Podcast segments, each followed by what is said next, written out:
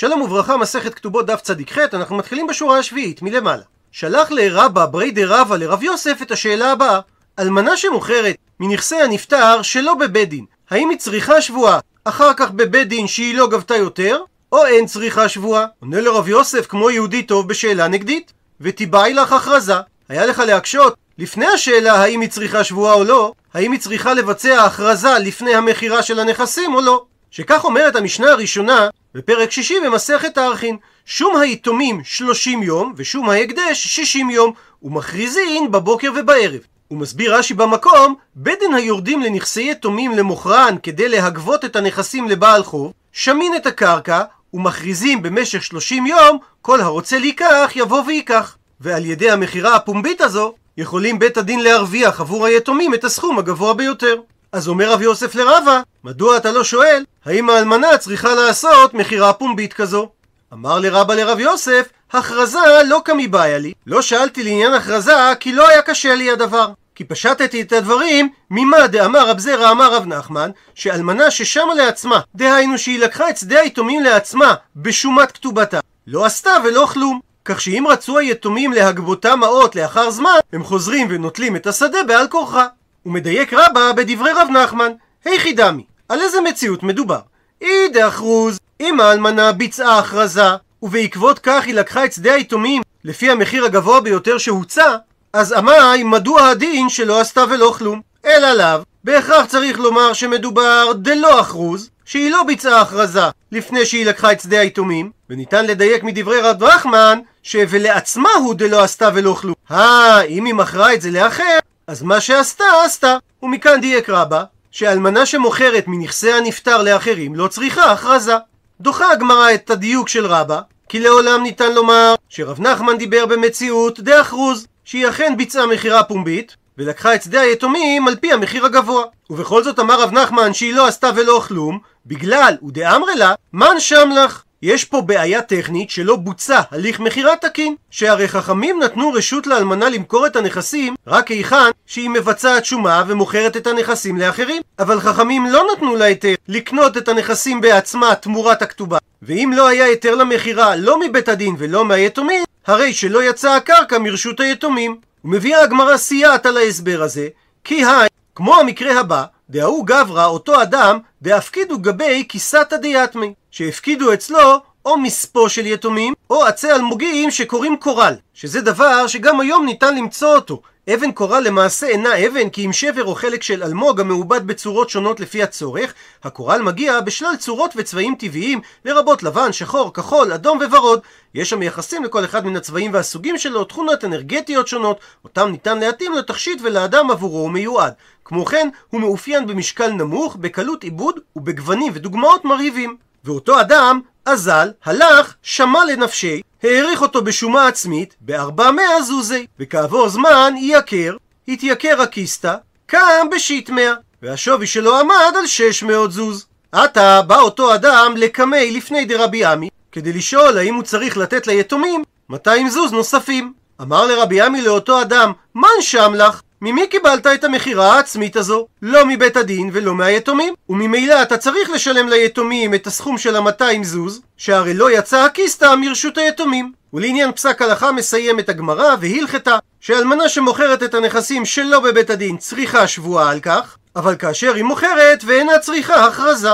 ואומרת המשנה, דין ראשון, אלמנה שהייתה כתובתה שווה 200 והיא מכרה נכס ששווה מנה ב-200 או שהיא מכרה נכס ששווה 200 במנה, בשני המקרים נתקבלה כתובתה. כי במקרה הראשון שהיא מכרה נכס ששווה מנה ב-200, היא הרוויחה סכום של 200 עבור היתומים, ובסוף התהליך יש לה את סכום הכתובה ביד. ובמקרה השני, היא גבתה מהיתומים נכס ששווה 200, כך שהיא קיבלה את כתובתה, והיא מכרה אותו בהפסד, וקיבלה עבורו מנה. וממשיכה המשנה דין שני.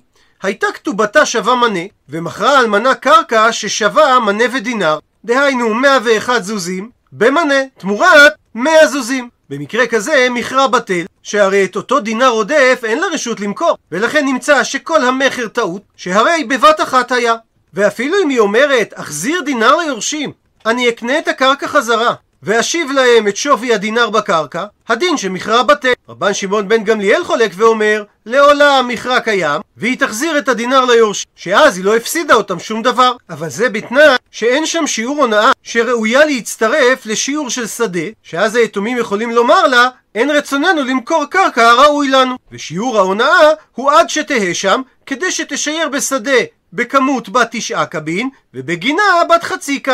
וכדברי רבי עקיבא, בית רובע, שאם האלמנה הייתה מוכרת את השדה במחיר האמיתי, והיה משתייר בשדה שטח של תשעה קבין, או שבמידה והיא מכרה גינה, היה נשאר שטח בגינה של חצי קו, שזה שיעור גינה, או לפי שיטת רבי עקיבא, ששטח של גינה מינימלית זה בית רובע, במקרה כזה מסכים רשב"א שמכרה בטל. וממשיכה המשנה דין שלישי, במקרה שהייתה כתובתה שווה 400 זוז. הוא מכרה לזה במנה ולזה במנה, גם לראשון וגם לשני וגם לשלישי. היא מכרה שדות בשווי 100 זוז, וזה אכן היה שווי השדות האמיתי, ולאחרון היא מכרה שדה יפה מנה ודינר בסכום של מנה. אז הדין שרק המכר של האחרון בטל, ושל כולן, דהיינו של שלושת הראשונים, מכרן קיים.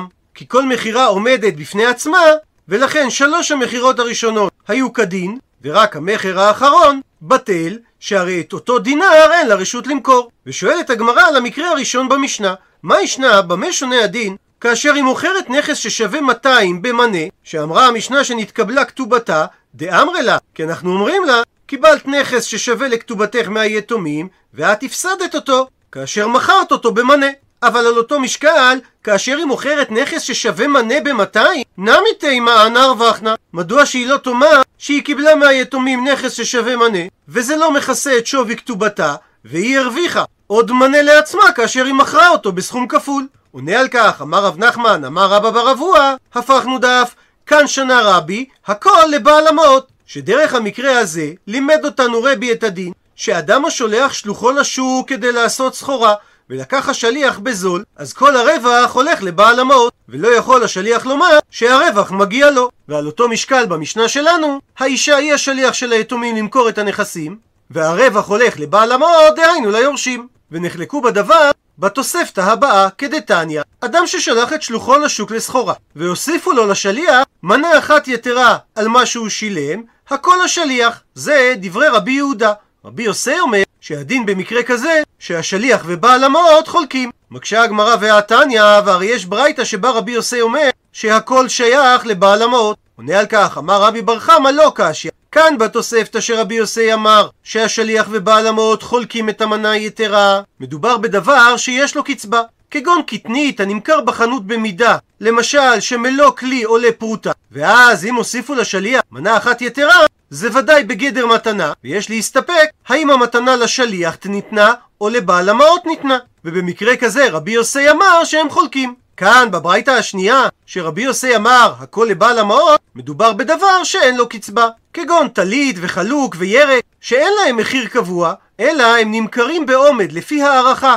פעמים המוכר מוותר ומוכר בזול, ופעמים הוא מוכר בצמצום, דהיינו ביוקר. במקרה כזה אמר רבי יוסי שכל הרווח הוא לבעל המעות, כי אין כאן מתנה, אלא הכל בכלל המכר. ולעניין פסיקת הלכה אמר רב פאפא, הלכתה שדבר שיש לו קצבה, חולקים השליח ובעל המעות במנה היתרה, ובדבר שאין לו קצבה, הכל הולך לבעל המעות. שואלת הגמרא על דברי רב פאפא, מהי כמשמע לן? מה הוא בא להשמיע לנו? או מצד שיכל לומר בפשטות שהלכה כרבי יוסי, או שבכלל היה מיותר לומר את הדבר, שהרי ידוע שבמחלוקת של רבי יוסי מול רבי יהודה הלכה כרבי יוסי. מבארת הגמרא שדברי רב פאפא נצרכו כדי לומר לנו שהשינוי הדשנינן שינוי ההוא שהחילוק של רמי בר חמא כדי ליישב את הסתירה בדברי רבי יוסי הוא אכן חילוק נכון. הוא מביא עכשיו הגמרא שאלה שבהמשך היא תנסה להכריע בה על ידי משנתנו. היא בעיה להו. נשאלה להם השאלה הבאה כאשר בעל השדה אמר לשליח, זבין לי להתקע, תמכור עבורי לתך משדותה, שזה שטח שראוי לזרוע בו בית חצי כור זרעים. ואזל והלך השליח וזבין לקורה, והוא מכר שטח כפול בגודלו, שניתן לזרוע בו כמות של כור זרעים. מה יהיה דין המכר במקרה הזה? האם אנחנו אומרים שהשליח מוסיף על דבריו של בעל הבית הוא, וליתקה מי יקני, ואת השדה הראויה ללתך הלוקח קנה, כך שאם בא בעל הבית לחזור בו מהמכר, הוא לא יכול לחזור בו. והלוקח צריך להחזיר את הלתך הנוסף. או דילמה או אולי, זה נקרא שהשליח מעביר על דבריו של בעל הנכס הוא, ולכן המקח בטל, וליתקא נמי לא קני, והלוקח לא קנה אפילו את כמות הלתך שבעל הבית מינה את השליח למכור. עונה על כך, אמר רב יעקב, ממקום שנקרא נהר הפקוד משמי דרבינה, תשמע, בו שמע הוכחה מהמשנה הבאה במסכת מעילה. ונקדים ונאמר שדבר שהוא קודש, בין אם הוא אמור לעלות על המזבח, בין אם הוא שייך לבדק הבית, דהיינו שהשווי הכספי שלו מוקדש לבית המקדש, אם אדם נהנה ממנו או הוציא אותו מרשות ההקדש בשוגג, הוא צריך לשלם את השווי שהוא הזיק את ההקדש בתוספת חומש, וגם להביא קורבן אשם. ובדיני מעילה יש דין מיוחד שיש שליח לדבר עבירה. וכך אומרת המשנה במסכת מעילה. אמר בעל הבית לשלוחו, תן להם חתיכה לאורחים מהבשר שיש לי בכלי. והוא השליח אומר לאורחים, תלו שתיים. כל אחד מכם ייקח שתי חתיכות. והם האורחים נטלו שלוש חתיכות כל אחד, הדין שכולם מעלו, אם לבסוף נמצא שהבשר הוא של הקדש. שבעל הבית מעל, שהרי הוא נתן חתיכה אחת מדעתו, והשליח מעל, שהוא נתן מדעתו את החתיכה השנייה, והאורחים מעלו, כי הם נטלו מדעתם את החתיכה השלישית. עד לכאן לשון המשנה, ומדייק רבינה, היא אמרת בי שלמה, נוח לי להבין אם אתה אומר שהשליח מוסיף על דבריו הווי, שהוא לא מבטל את דברי בעל הבית, אלא מוסיף על דבריו, משום הכי, אז משום כך אמרה המשנה שגם בעל הבית מעל, כי בזה שהשליח הוסיף על דברי בעל הבית, הוא לא ביטל אותם. אלא היא אמרת שזה נקרא שהשליח מעביר על דבריו הווי, הוא מדייק רבינה.